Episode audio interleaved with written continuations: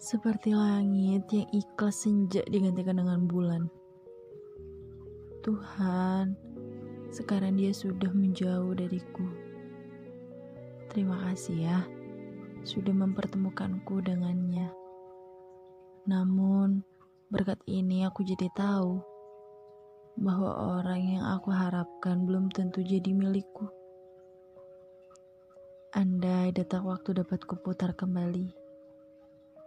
Ke saat di mana kita bercengkrama sampai matahari menampakkan sinarnya dengan malu-malu. Aku ingin mengabaikanmu lebih awal sebelum patah datang. Seharusnya jujur, sejak awal jika hadirku hanya beban. Seharusnya bilang, sejak awal jika keberadaanku hanyalah penghalang. Hingga akhirnya aku sudah terlanjur menggunakan perasaan. Dan kini harus menerima bahwa yang kusemogakan harus kurelakan.